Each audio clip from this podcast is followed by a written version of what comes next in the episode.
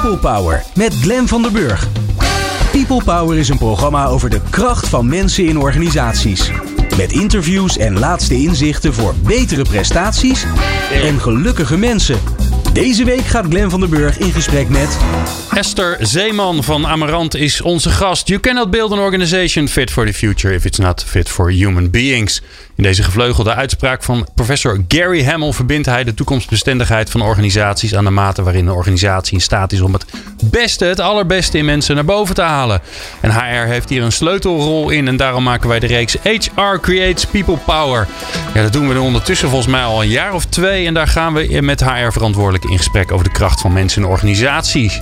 Ja, wat is de visie op innovatie, ondernemerschap en continu verbeteren? Wat is de kracht van mensen, maar zeker ook wat is de zwakte en welke rol speelt HR daarin? Te gast in deze aflevering is Esther Zeeman. Zij is HR-manager bij Amarant. En het leuke is ook nog eens een keer dat uh, ja, zij zo uh, vriendelijk wilde zijn om iets nieuws uit te proberen. Want wij uh, spreken live met haar via LinkedIn Live. Dus we zijn zowel op de radio als LinkedIn te horen. Ik in Hilversum en zij zit volgens mij ergens in Tilburg in het, in het Brabantse. Farid de Barkie verzorgt de column. En wil je nog meer uh, afleveringen van HR Create People Power? Dan uh, kun je naar onze website. Dan ga je naar peoplepower.radio. Ik vind het fijn dat je luistert naar People Power. Dit is Nieuw Business Radio. People Power met Glenn van der Burg. En Esther Zeeman is de gast. En Esther, jij bent uh, bij Amarant verantwoordelijk voor, voor HR. Klopt. En even in, in een paar woorden, wat doet Amarant? Uh, Amarant is een grote gehandicaptenzorgorganisatie in het zuiden van het land uh, met bijna 6000 cliënten, uh, cliënten met een beperking. Dat kan verstandelijk zijn, dat kan een fysieke beperking zijn of mensen met een niet aangeboren hersenafwijking. Oké. Okay. En hoeveel mensen werken er bij jullie? 5200. Jeetje, Mina zeg. Echt een grote organisatie dus. Ja, zeker, zeker. En ik zeker. kan me ook voorstellen, echt mensenwerk. Absoluut, echt mensen werken. En dat merk je in deze tijd van corona helemaal. Dat uh, wat we doen er echt toe doet. Ja, ja nou ja, dat, uh, dat gaat ongetwijfeld uh, dwars door de uitzending doorspekt door, doorheen gaan. dat kan ook bijna niet anders, want we zitten er natuurlijk middenin met z'n allen. Um, ja. laten we eerst maar eens even naar de grootste organisatie-uitdaging van Amarant gaan. En dan, dan zijn we er gelijk, gelijk volgens mij. Wat is ja, dat? precies. Ja, de grootste uitdaging nu is natuurlijk uh, de continuïteit van zorg kunnen borgen in uh, deze hele gekke periode waarbij uh, corona gewoon de boventoon toon voert. Ja. Dus dat is onze grootste uitdaging. En wat betekent corona voor jullie? Nou, corona betekent voor ons dat wij continu goed moeten monitoren of dat de gezondheid van onze cliënten en onze medewerkers, hoe het daarmee gaat. Dat betekent dat wij dat heel intensief dagdagelijks uh, tientallen mensen testen om uh, te kijken hoe het met hen gaat en uh, om goed te monitoren of er sprake is van een besmetting. dus dat is, dat is het belangrijkste. Ja, en jullie testen zo vaak omdat jullie anders gewoon. is dat voor de medewerkers om zeker te weten dat jullie voldoende mensen hebben om überhaupt het werk uit te voeren? Uh, nou ja, als je kijkt naar het beleid van het RIVM, dan is het zo dat als mensen klachten hebben, ze zich moeten laten testen. En met 5200 collega's kun je je voorstellen dat er iedere dag tientallen mensen zijn die klachten hebben. Want ook al ben je een beetje verkouden, dan moet je je laten testen. Dus al die mensen moeten wij uh, iedere dag testen. We hebben er ook voor gekozen om zelf een teststraat uh, in te richten.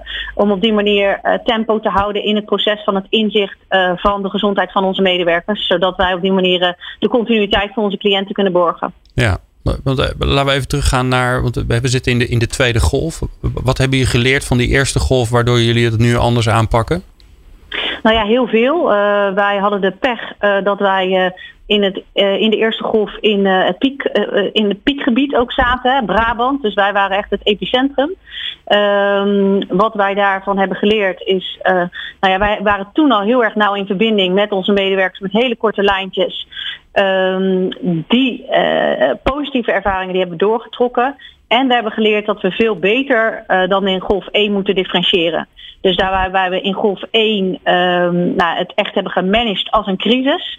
Hè, even als voorbeeld, dagbesteding volledig dicht. Uh, alles op het gebied van scholing volledig stoppen. Nou, best wel rigoureuze maatregelen. Hebben we daarvan geleerd in golf 1 dat dat onvoldoende uh, goed is of dat het beter kan. Omdat je niet alleen naar veiligheid moet kijken, maar zeker ook naar welzijn en geluk van cliënten en medewerkers. En dat betekent dat we nu veel, veel meer gedifferentieerd te werk gaan. En juist eigenlijk alles proberen te doen om zeker de dagbesteding voor onze cliënten, maar ook alles op het gebied van leren en ontwikkelen voor onze medewerkers, zo goed mogelijk door te laten gaan. Omdat in onze optiek dat juist zeg maar, de energiebronnen zijn. En we kunnen veel niet beïnvloeden in het kader van corona, maar energiebronnen als ondersteuning, afleiding, uh, dat kunnen we wel beïnvloeden. Dus wij zetten nu in golf 2 heel erg in op de energiebronnen. Um, en dat is dus veel breder dan in golf 1. Toen was het veiligheid en nu is het echt welzijn en veiligheid die hand in hand gaan. En is het nou zo, hè, want ik, mijn eerste vraag aan jou was: wat is, wat, wat is de grootste organisatieuitdaging? Of misschien wat zijn de grootste organisatieuitdagingen? Is dit het enige wat nog naar boven komt drijven? Uh, nou ja, in alle eerlijkheid uh, wel. Hè? Als je kijkt uh, naar de enorme impact. we hebben de afgelopen twaalf dagen hebben we bijna 600 medewerkers moeten testen. Moet je die getallen tot je door laten dringen, wat, wat dat dus betekent voor de continuïteit bij ons. Meer dan en dat 10% natuurlijk ook... dus van de hele club. Ja, ja, ja, ja. ja. Um, en gelukkig uh, um, doen wij dat zo strak, uh, het testbeleid, dat we direct kunnen identificeren en daarmee isoleren. Dus wij zien dat als er een besmette medewerker is, dat dat zich niet over het algemeen zeer incidenteel, dat het zich uitspreidt. Maar dat we eigenlijk heel goed in staat zijn om te isoleren. dus het is wel een heel effectieve strategie. Testen, testen, testen isoleren en vervolgens analyseren als het dan toch, hè, we hebben twee uitzonderlijke gevallen uh, waarbij we zien dat het meer is dan één medewerker. Nou, dan analyseren we en dan stellen we op basis daarvan het beleid bij. Ja, en het, het, als je nou even teruggaat naar voor corona, hè, want dat is, vind ik wel interessant. Wat, wat stond er toen hoog op, uh, op, je, op je lijstje? Op jouw prioriteitenlijstje als HR-verantwoordelijke? Nou, wat uh, onze HR-strategie is dat wij gaan een 8 plus medewerkerbeleving. En die hadden we opgebouwd uit uh, een paar pijlers van ons huis. En eigenlijk is dat nog steeds onze strategie. Hè? Het gaat nog steeds over die beleving van de medewerker. Die monitoren we uh, heel erg goed. Omdat de beleving van de medewerker natuurlijk ook, of misschien wel juist in deze tijd, cruciaal is. Omdat het natuurlijk gaat over veiligheid en welzijn, maar ook over gewoon het werkplezier. Uh, wat onze mensen uh, in deze tijd uh, hebben om de continuïteit ook te kunnen blijven borgen en het werkplezier ook te kunnen blijven behouden. Dus de strategie was 8 plus medewerkerbeleving, focus op instroom en behoud, leren en ontwikkelen. Um, stuk basis die we op orde uh, moeten hebben en een stuk ontwikkeling van mensen. En dat zijn natuurlijk nog steeds de pijlers. Ja, en vertaal hem dan nu eens door naar corona. Want hoe hou je dat dan vast in deze bizarre tijd? Nou ja, in deze bizarre tijd is het nog steeds zo dat instroom en behoud van onze medewerkers natuurlijk een hoge prioriteit is. Wil je de continuïteit kunnen blijven borgen? Dus dat betekent nog steeds dat wij hard aan de weg timmeren om ook extern uh, goed zichtbaar te zijn als werkgever. Uh, waar je echt moet willen werken om op die manier, uh, nou ja, iedere dag met een glimlach s'avonds weer naar huis te gaan. Dat je echt het gevoel hebt, ik heb iets toegevoegd. Dus die positionering van ons als werkgever is nu nog steeds heel erg belangrijk in de arbeidsmarkt. Het behoud van onze eigen medewerkers. Een stukje aandacht voor gezondheid, veiligheid, ontwikkeling is nog steeds super cruciaal. Dus in die zin um, zijn de prioriteiten qua speerpunten nog steeds dezelfde. Alleen krijgt het wel een andere dynamiek. Hè. Nu moeten we aandacht besteden aan testen, testen en persoonlijke beschermingsmiddelen. Nou ja, dat is natuurlijk heel anders dan voor de coronacrisis toen testen, een eigen teststraat. Nou ja, daar hadden we nog nooit over nagedacht dat je zoiets wilde doen. Dan ging het waarschijnlijk over persoonlijkheidstesten en niet over uh, dit soort testen. Ja, precies. Ja, ja precies. Ja. ja, klopt. Hey, en hoe, hoe omschrijf je de, de, rol die jij, jullie vanuit HR dan hebben in, in deze ja, crisis waar je dan eigenlijk middenin zit om te zorgen dat, nou, dat, dat alles door blijft gaan. En de, zeker ook nu dat jullie cliënten gewoon uh, de dagbesteding open blijft en een, en een zo leuk mogelijk leven blijven leiden. Ja, nou ja, ik vind de rol van HR cruciaal. Hè? Uh, uh, altijd natuurlijk. Hè? Maar zeker ook in deze fase, hè? in de fase van crisis. Uh, waarbij ik vind dat wij een bijdrage moeten leveren aan een stukje inspiratie en aan een stuk richting. Maar ook aan de basis van de Maslow-pyramide. Veiligheid van een goede werkomgeving voor onze medewerkers en, en voor onze cliënten. Dus dat betekent dat wij ook in het kernteam een bestuurlijk overleg hebben. Waar, waar, was er nog iets te laat bij jou. Dat kwam omdat we bestuurlijk overleg hadden over corona. Daar leveren, leveren wij vanuit HR in mijn persoon daar een bijdrage aan. Ook in het beleidscoördinatieteam. Ehm, en wij proberen de lijntjes gewoon heel erg kort te hebben met de collega's uit het primaire proces. Zodat wij met elkaar zeg maar altijd dezelfde agenda hebben. Waar zit welk vraagstuk? Waar zit welke urgentie? Waar zit welke behoefte? En op die manier proberen we daar zo goed mogelijk op in te spelen. Ja. En, vertaal het nou eens naar de, naar de praktijk. Hè? Wat, wat merken de collega's ervan dat, eh, dat, jullie een bijdrage leveren eh, binnen die zeg maar corona-aanpak uh, bij Amarant? Nou ja, neem het voorbeeld van de teststraat. dat moet georganiseerd worden, hè? even heel praktisch. Daar moeten gewoon mensen voor uitgenodigd worden. De testen moeten worden uitgevoerd en de terugkoppeling moet worden gegeven. We hebben onze interne arbodienst, wat onder de verantwoordelijkheid van, van mij valt. daarvoor zorgen wij dat gehele proces. Uh, aan de andere kant, uh, als je kijkt naar de vraagstukken die spelen bij medewerkers uh, op het gebied van continuïteit van zorg, als op het gebied van plannen, roosteren, et cetera, zijn de vraagstukken die bij HR spelen. Dus hoe zorgen we dat wij op die manier bereikbaar zijn, dat de puzzels gelegd kunnen worden, zodat de capaciteit herverdeeld kan worden in de teams, zodat nou, er voldoende bezetting is in de teams. de vraagstukken die er spelen hoe je uh, op het gebied van leren en ontwikkelen, bijvoorbeeld hoe ga je nou om met gedragsproblematiek van onze cliënten, de leerinterventies die we op dat gebied aanbieden. Nou, zo zo kan ik nog wel even een paar uur doorgaan over de bijdrage die wij leveren in deze tijd. Wauw, ja, mooi. ja, ja, ja. dus het is heel divers vanuit eigenlijk al die pijlers die in ons HR-huis zitten om bij te dragen aan die 8 plus medewerkerbeleving. Die geven we nu ook op die manier vorm. Ja, en wel mooi om te horen ook dat eigenlijk de pijlers die je hebt, die je, die hebt samengesteld, die je hebt gedefinieerd in een moment dat het relatief rustig was, hè, voor zover het überhaupt rustig is in jullie sector, maar uh, dat die dus overeind blijven als, ja, als echt de, de uh, pardon my French, de pleuris uitbreekt. Ja, absoluut. Ja. Maar het is natuurlijk ook echt mensenwerk in de zorg. En dat is voor de crisis en dat is nu nog steeds. Alleen nu is het gewoon veel extremer. Maar het gaat nog steeds over werkplezier van mensen. Het gaat nog steeds over de beleving van mensen. Het gaat nog steeds over ondersteuning die medewerkers nodig hebben uh, in hun ontwikkeling of in de vraagstukken die spelen. Het blijft mensenwerk. Ja. Ja, absoluut. Maar ja, soms, soms vergeten we dat nog wel eens. Tenminste, bij jullie natuurlijk niet. Maar op sommige plekken wordt het nog wel eens vergeten dat het heel vaak mensenwerk is. Absoluut, absoluut. Nee, maar wij hebben wel, en daar ben ik ook blij met onze raad van bestuur die daar ook zo in zit. Weet je, de cliënt eh, dat is ons bestaansrecht. Maar die medewerker en de beleving van onze medewerkers is natuurlijk cruciaal om ook goede zorg te kunnen bieden. Ja. En, en waar komt dat dan bij jullie vandaan? Of is, het, is dat gewoon altijd al zo geweest? Want je hebt natuurlijk in de nou. zorg ook een hele golf gezien van professionalisering of verzakelijking of uh, structurering, die nou ja, niet altijd even fantastische effecten heeft gehad. Nou, waar, waar die vandaan komt, denk ik, als ik eerlijk ben, ik werk nu zelf 2,5 jaar bij Amarant. En uh, toen ik uh, hier startte, toen had ik niet het idee dat medewerkers uh, heel hoog op het lijstje stonden. Hè. Dat kon echt wel, vond ik, veel prominenter. En natuurlijk ben je een organisatie waar onze cliënten centraal staan. Maar mijn overtuiging is echt dat dat samengaat met uh, het welzijn en geluk van cliënten, samengaat met de, met de beleving van je medewerkers. Dus daar hebben we gewoon heel erg op ingezet. Hè? Want onze ratio's uh, waren gewoon, uh, konden gewoon beter. Hè? En met ratio's bedoel ik, als ik keek naar het verzuim binnen Amarant. Ehm, als je kijkt naar de in- en de uitstroom, dan waren dat elementen waarvan ik zei, ja, maar weet je, als we gewoon naar de cijfers kijken, dan moeten we ons gewoon gaan ontwikkelen tot een organisatie waar iedereen zich, nou, waar, waar iedereen bij wil horen en bij wil blijven. Ja.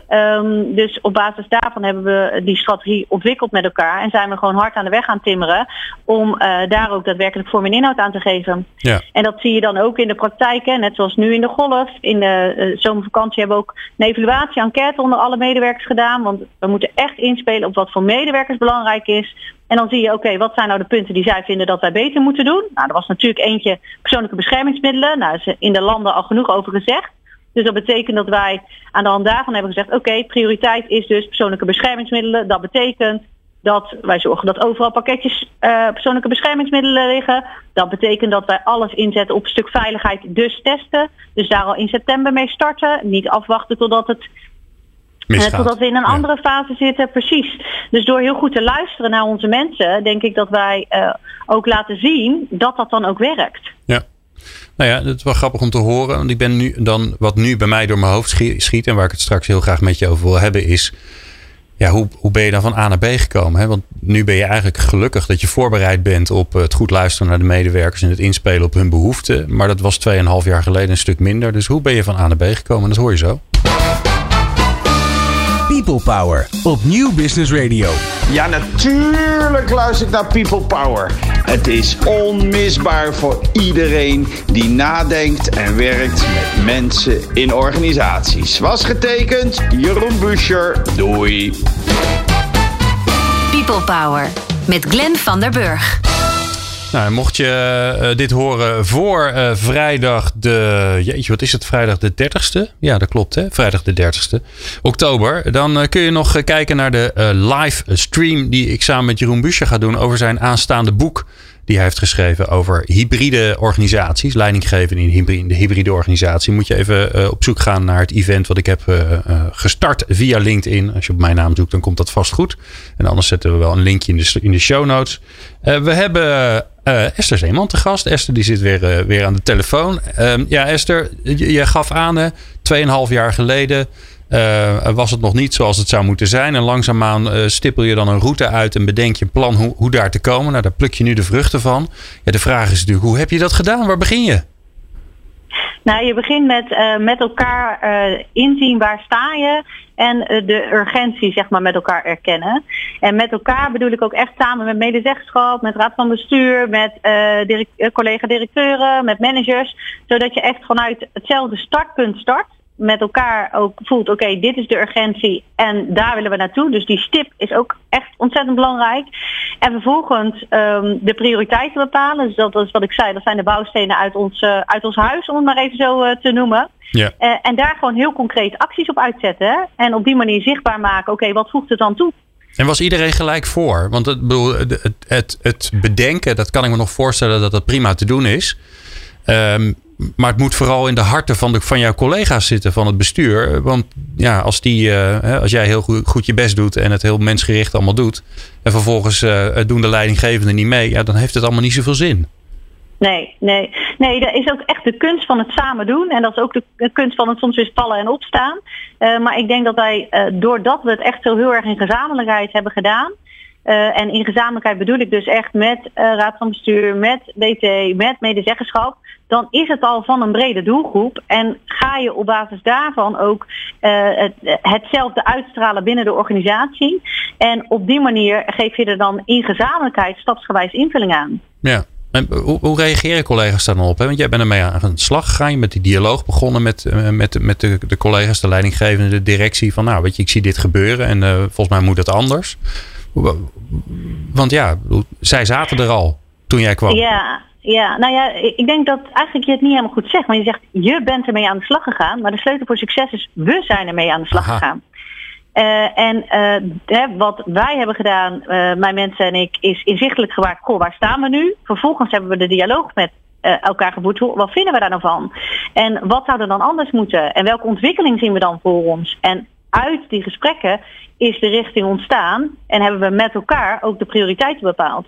Dus het is niet mijn HR-strategie of die van mij en mijn mensen. Nee, het is onze strategie van Amarant, waarbij de HR-strategie een hele fundamentele pijler is, omdat de beleving van onze mensen natuurlijk ontzettend belangrijk is voor wat wij zijn als zorgorganisatie. Ja, snap ik. En dan is natuurlijk altijd de vraag: hoe maak je dat dan concreet? Want dan, dan gebeurt er echt wat. Hè? Papier is geduldig, maar in, in, de, in de daden die je laat zien, daarin, daarin, daarin zit de verandering natuurlijk. Dan, hè, dan zorg je er uiteindelijk voor dat, ja, dat, dat het ziekteverzuim langzaamaan naar beneden gaat en het werkgeluk omhoog. Absoluut, absoluut. Nou ja, eh, weet je, um, uh, de cijfers uh, spreken altijd voor zich, dus daar hou ik altijd heel erg van. Oh. Kijk, als ik kijk naar de instroom en ja, ja, ik heb een financiële achtergrond ook, hè.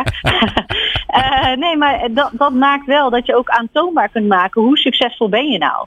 En ehm, de verhouding in- en uitstroom bij ons was gewoon niet goed. Die moest omgedraaid worden en inmiddels is die omgedraaid. En dat doe je door intern te laten zien, goh, hè, wij vinden jullie als medewerker belangrijk en daar hebben we aandacht voor. Maar ook extern ons te positioneren als werkgever middels onze campagne, uh, waar werk gelukkig maakt. Uh, waardoor je je instroom ook verhoogt. En op ja. die manier draag je bij aan de basis die je vergroot. Hè, want de capaciteit wordt gewoon beter in teams Stabiliteit neemt dan toe. En dan is de proof of the pudding gewoon in de eating. Want je zorgt gewoon dat je feitelijk bijdraagt aan die continuïteit van zorg. En dat hebben we met elkaar gedaan. Ja. En als ik kijk hoe we dat nu doen, um, hè, dus door die signalen van onze medewerkers serieus te nemen, zijn wij onze teststraat gaan inrichten. Kunnen mensen iedere dag gewoon bij ons komen en iedere avond krijgen ze de uitslag. Al worden ze om elf, elf s avonds gebeld. Dat doen we omdat we weten dat het voor die medewerker ook belangrijk is om te weten ben ik besmet of niet. Dan voelen mensen, hé, hey, ik en mijn gezondheid staat hier centraal. Dus het zit gewoon heel concreet in wat doe je en wat Ja. werkt wat merkt de individuele medewerker er gewoon dagdagelijks van? Ja, en wat ik wel interessant vind is dat je zegt, we zijn ook naar buiten gegaan. En daar hebben we eigenlijk een nou, best wel een mooie belofte neergelegd. Hè? Als, je, als, je, als je werkgeluk wil, dan moet je bij ons komen werken. Ja, Maar dan moet je dat wel waar kunnen maken. Dan moeten de verhalen van de collega's die al bij jullie werken natuurlijk zeggen: ja, nee, dat is inderdaad zo. Want, en dan moet er een verhaal komen. Dus, dus, dus je bent waarschijnlijk, daar ga ik een beetje van uit, ben je, ben je binnen begonnen. Zeker, zeker. En we hebben de campagne ook opgebouwd met onze mensen. Dus uit de verhalen van onze eigen mensen hebben wij opgehaald dat mensen bij ons vinden dat werk gelukkig maakt. Omdat die glimlach van de cliënt of de kleine ontwikkeling die een cliënt kan maken, maakt dat mensen echt met een gelukkig gevoel naar huis gaan. Dus dat is niet een campagne of slogan waarvan ik dacht of een marketingbureau dacht, nou, dat is echt fantastisch, laten we dat even gaan doen. Nee, dat hebben we echt gedaan door wederom bij onze mensen op te halen. Wat maakt nou dat je bij Amarant werkt? En wat maakt nou dat, dat hè, wat zou je nou tegen een ander willen vertellen? Waarom die ook bij Amarant Ja. moet werken? En hoe, en dan hoe komen die kleine dingen naar voren. Interviews. Door een externe partij hebben wij gewoon interviews laten houden. Want we zeiden ook, we willen dat het objectief is. Hè? Dus niet dat mijn mensen of eh, de mensen van communicatie het al invullen. Nee, eh, objectief gewoon een marketing, eh, collega's van een marketingbureau interviews laten doen en het verhaal laten ophalen. Oké. Mooi. Ja. Ja. Ja, ja zeker. En dan, Ook fantastisch dat je dat mag zeggen, toch? Bij, dat je bij een organisatie werkt waar werk gelukkig maakt. Ja, dat is toch wel Absoluut. Heel mooi. En, en wat een geluk dat, dat, ook, dat je dat opgehaald hebt. Er zullen ongetwijfeld verbeterpunten zijn geweest. Maar eh, ja, als, als het terugkomt, ja, het is, dat ik, eh, het is dat ik een hypotheek moet betalen. Maar anders zou ik hier niet willen werken. Dan heb je toch echt wel een groot probleem. We hebben ook heel veel vrijwilligers hoor. Dus eh, voel je vrij om eh, gewoon een sollicitatie in te sturen als vrijwilliger. Ja, ja. Tilburg, toch? Ja, we zitten in heel Brabant. Dus, Oh, ja, eh. En we zijn flexibel in dagen. Dus Oh, ook eh, nog. Nou. de ruimte. Dames en heren, u hoort het allemaal. Wilt u gelukkig worden, dan eh, weet u waar u moet zijn bij Amarant. Hartstikke mooi. Precies. Ja. Hey, en ehm, eh, no- geef eens een voorbeeld wat jullie dan ehm, in die tijd veranderd hebben, anders hebben gedaan om te zorgen dat mensen nog werkgelukkiger we- werden dan dat ze al zijn. Nou, wa- waarmee we zijn gestart is eh, met eh, de werkpleziercyclus, eh, zoals wij dat noemen. En eigenlijk ehm, is dat dat wij leidinggevende, daar zijn we mee gestart. Ehm, die hebben we opgeleid tot een betere teamcoach. Eh, maar een team moest zichzelf aanmelden. Dus dat is een bepaalde vorm die wij eh, hebben ontwikkeld op basis van de methodiek van IZZ. Dus die was wetenschappelijk onderbouwd. Ehm, hoe je een goed gesprek kunt voeren als team en zelf afspraken kunt maken over welke punten je wil verbeteren. Waarbij het kernthema werkplezier was. En ehm, daar zijn wij mee aan de, aan slag gegaan. Oké, dus, eh, dus niet HR heeft bedacht. Eh, dit is belangrijk, we gaan dit doen. We gaan dus allemaal merken aan feedback. Of eh, iedereen krijgt een communicatietraining. Of eh, we doen de leidinggevende door wasstraat X. Maar eigenlijk per team zelf laten bedenken wat ze belangrijk vonden. Precies, wij hebben aangegeven wat hè, ons speerpunt, ons doel is die 8 plus medewerkerbeleving. Duurzame zetbaarheid en werkplezier staan daarbij centraal. En wat is daarvoor nodig? Dat bepalen teams zelf en dat weten teams ook zelf. Dus daar hebben wij een werkvorm voor bedacht. Dat heet de werkpleziercyclus. Daar kunnen teams zich voor aanmelden. En als een team zich aanmeldt, betekent dat de leidinggevende op training moet om een betere teamcoach te worden. En op die manier eh, zijn, we, zijn we daarmee gestart. En die cyclus is zo dat medewerkers met hun leidinggevende in gesprek gaan en afspraken maken over wat goed gaat en wat beter kan. En dat er ook in die cyclus ehm, afstemming plaatsvindt dat niet alleen de manager, maar ook de directeur eh, aansluit. Dus zaken die niet opgelost kunnen worden in zeg maar de, de, de groep van de medewerker en de leidinggevende, dan is ook de directeur die daar een belangrijke rol in, eh, in speelt. En wat komt daar dan uit? Geef eens een voorbeeld. Nou, is heel erg divers. En eh, dat, is de, dat maakte dus ook zo succesvol. Want er zijn teams die zich gewoon irriteren aan het feit dat als ze ochtends komen, eh, dat eh, de aardig niet is opgeruimd, of de vaatwasser niet is ingeruimd, of dat ze altijd bereikbaar moeten zijn omdat die app maar blijft gaan omdat er een dienst openvalt. Dus dat zijn hele praktische, simpele kleine dingen waarvan mensen afspraken over maken. Maar wat vooral belangrijk is, is dat teams gezamenlijk afspraken maken over een meetlat, zoals wij dat zo mooi noemen.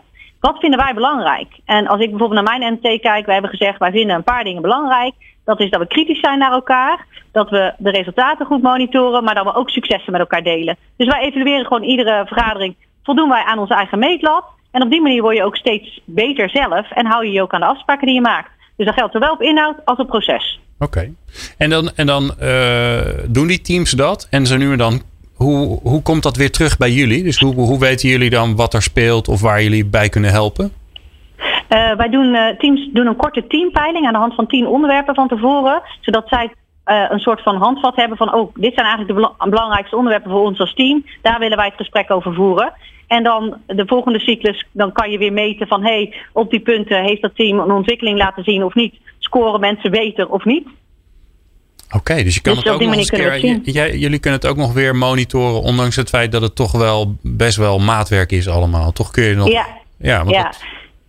Dat, ja, ja, wij hoeven niet te monitoren op detailniveau, hè, want dat dat maakt maar eigenlijk niet uit. Het gaat erom dat de ontwikkeling op de belangrijkste indicatoren, zoals werkplezier, zoals onderlinge verhoudingen, goede samenwerking, die vind ik belangrijk. En dat dan bij de een dat is dat uh, afspraken maken over appjes en bij de ander dat is dat ze afspraken maken over wie wel of niet een dienst oppakt of daar recht op ruimt. Dat maakt mij eigenlijk niet uit. Ja. Als ze maar gesprek hebben over wat zij belangrijk vinden en daar de goede afspraken over maken.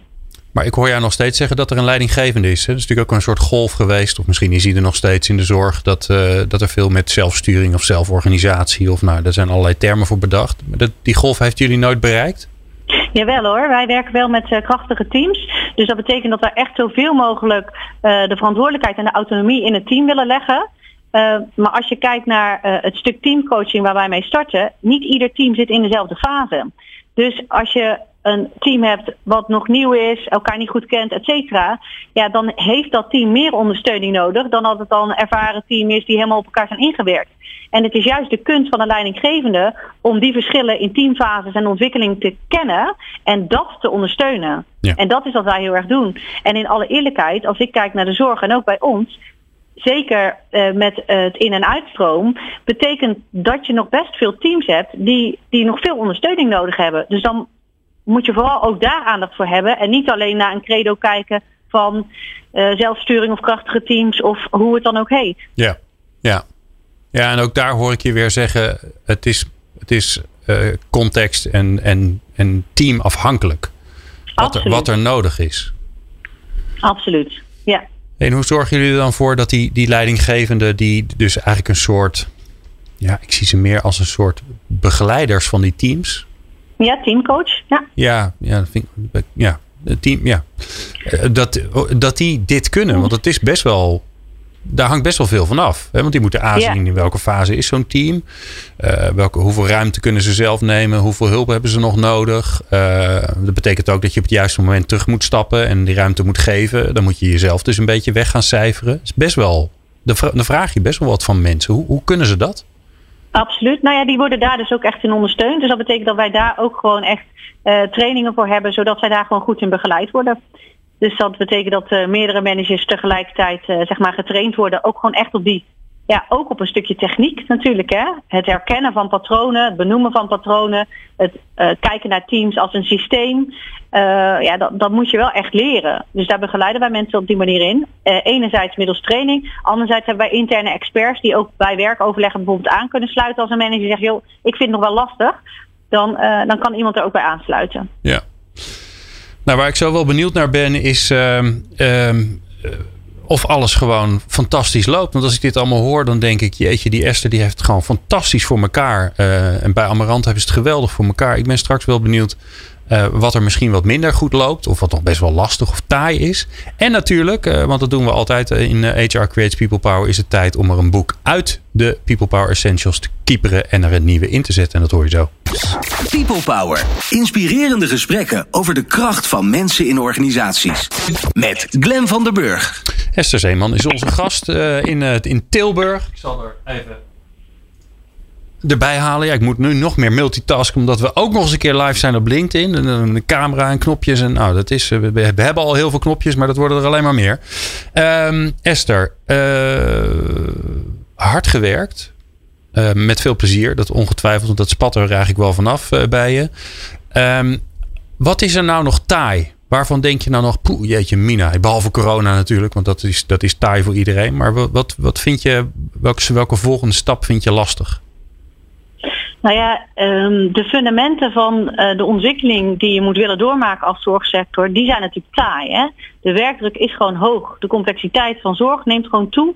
De capaciteit uh, neemt onvoldoende toe. Dus uh, dat maakt dat je continu al voor corona in een enorme uitdaging zat als maatschappij. Um, en wij ook als Amarant. En dat betekent dat je daar nu nog steeds in zit en dat je eigenlijk dubbel en dwars hard geraakt wordt uh, door deze coronatijd. Ja, want iedereen liep, al, li iedereen liep al op zijn tenen en dan, en dan komt dit er nog eens een keer overheen. Absoluut, absoluut. Ja. Dus ik maak me ook echt wel in die zin heel veel zorgen over hoe het nu gaat met het aantal besmettingen en wat dat doet met de continuïteit van zorg nu en straks. Want ik wil niet pessimistisch zijn, maar wel realistisch. En de realiteit is dat februari normaal gesproken de piekmaand is van het aantal mensen die ziek zijn. En nu zijn al heel veel zorgorganisaties die extreem onder druk staan of die al afdelingen moeten sluiten. Dus, uh, dus ja, uh, waar de uitdaging echt in zit, is natuurlijk hoe zorgen we dat we met elkaar goed blijven staan om de continuïteit van zorg in Nederland, maar zeker ook binnen Amarant te kunnen blijven borgen. En dat is natuurlijk gewoon een hele grote uitdaging. Ja. Dus je kan wel proberen de goede acties met elkaar uit te zetten en de goede stappen te zetten, maar het is ontzettend taai, want het is heel hard werken. En uh, als ik kijk naar we hebben het goed onder controle, corona, vind ik echt. Maar uh, op één voorziening is dat minder goed gegaan. Uh, en dat kwam, want er was escalatie met een cliënt. Ja, dat kan je niet voorkomen. En dan heb je gelijk een probleem in je continuïteit op zo'n voorziening. Dus, dus ja, het is even, niet allemaal maakbaar. E-, even voor onze leken, hè? Een, een voorziening, dat is een, eh, een, een woongroep? Of een, woongroep. Ja, ja. Ja, okay. ja, dat is een woongroep. Ja, dat is een woongroep. Ja. Uh, maar je moet je voorstellen dat er cliënten uh, met een bijvoorbeeld lichtverstandelijke beperking of zwaar verstandelijke beperking in quarantaine moeten. Nou, wij snappen het al niet eens goed. Laat staan dat onze doelgroep, de mensen die bij ons wonen, dat begrijpt. Dus de kans op escalaties bij ons is veel groter nu. En zien we ook, en met name bij onze jeugdige doelgroep, veel veel meer toenemen dan, dan dat het voor corona was. Uh, en dat is natuurlijk iets waar je met elkaar een goede modus in moet vinden. En vandaar dat ondersteuning van onze medewerkers.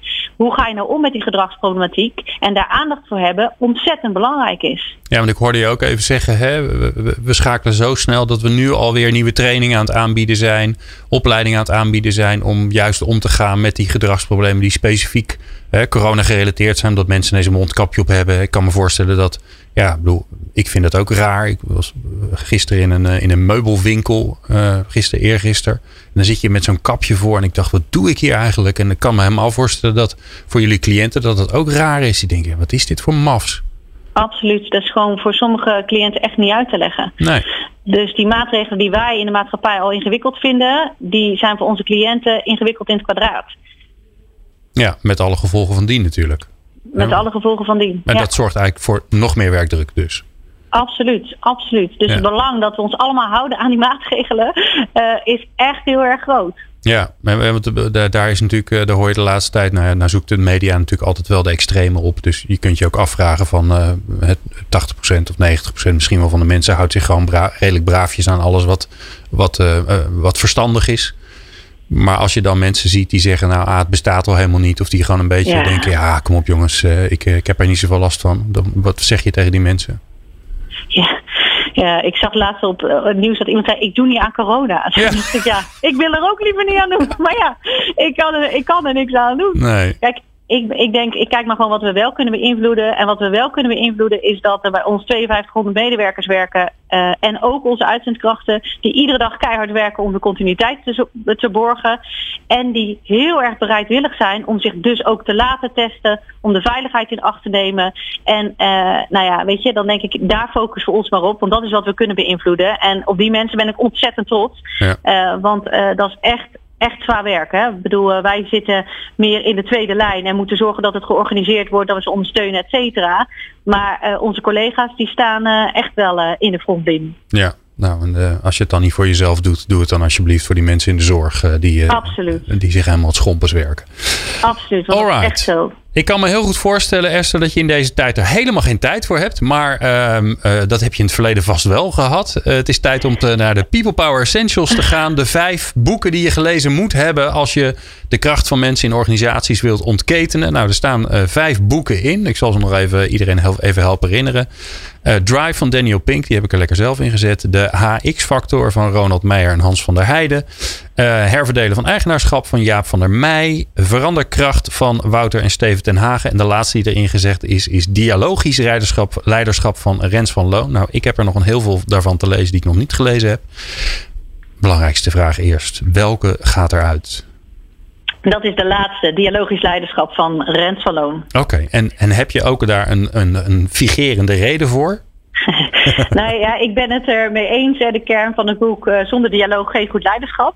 Eh, alleen het boek wat ik heb, dat is eh, veel breder qua perspectief en meer dan alleen de dialoog. Dus ik denk, dit is een soort van de dialoog met de andere perspectieven. Dus ik vind dat een mooie vervanging. Je hebt gewoon een upgrade bedacht.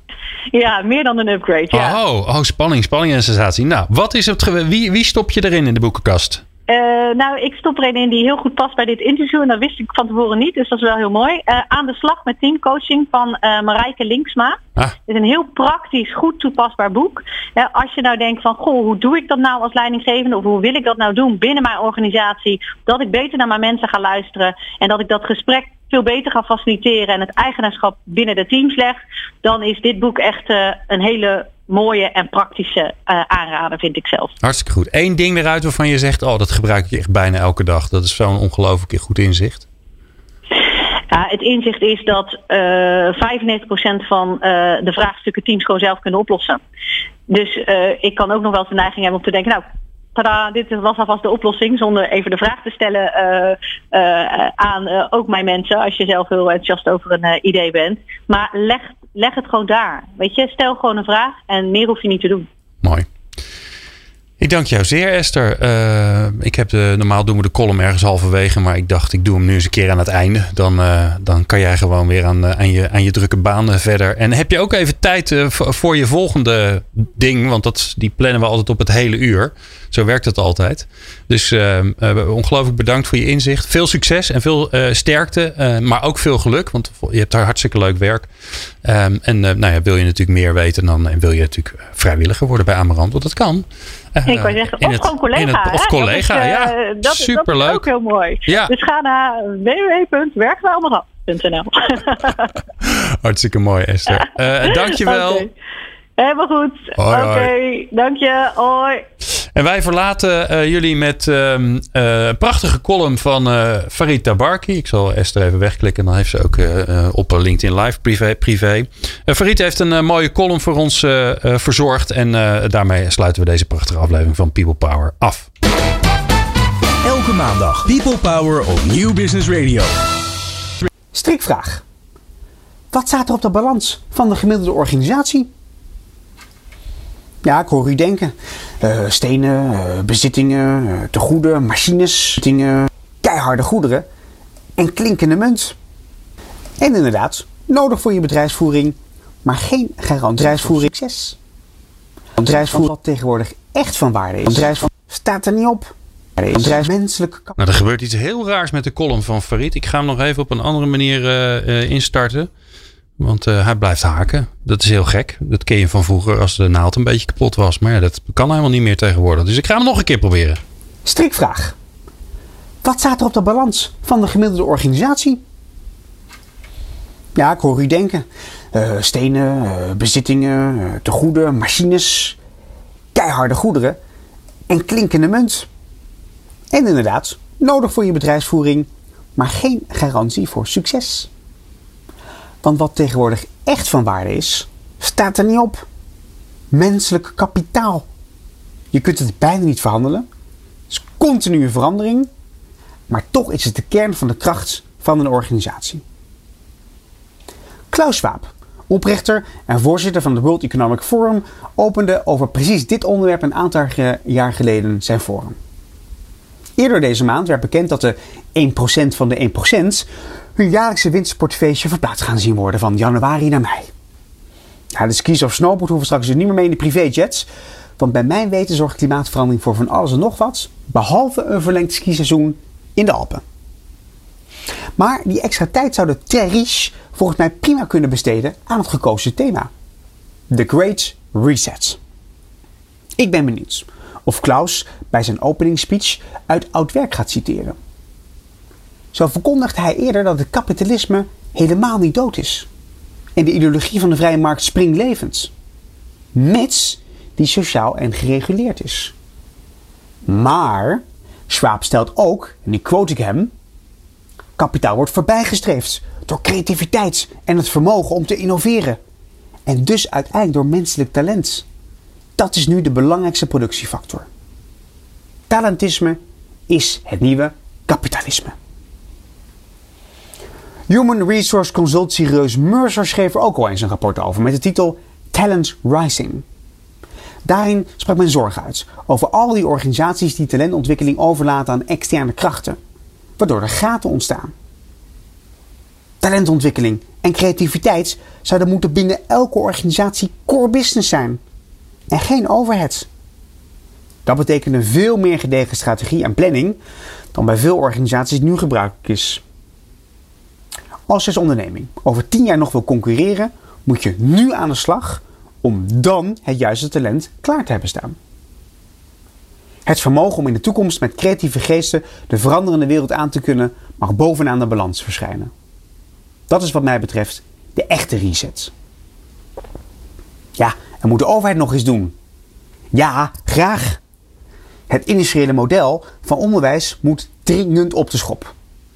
Alsof een mens een pakketje is dat het aan het eind van een fabrieksmatig proces klaar is voor die boze buitenwerelds. Nee, na de opleiding begint het immers echt pas.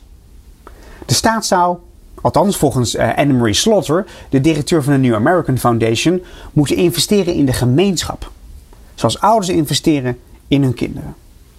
En niet om afhankelijkheid te creëren, maar om onafhankelijkheid mogelijk te maken.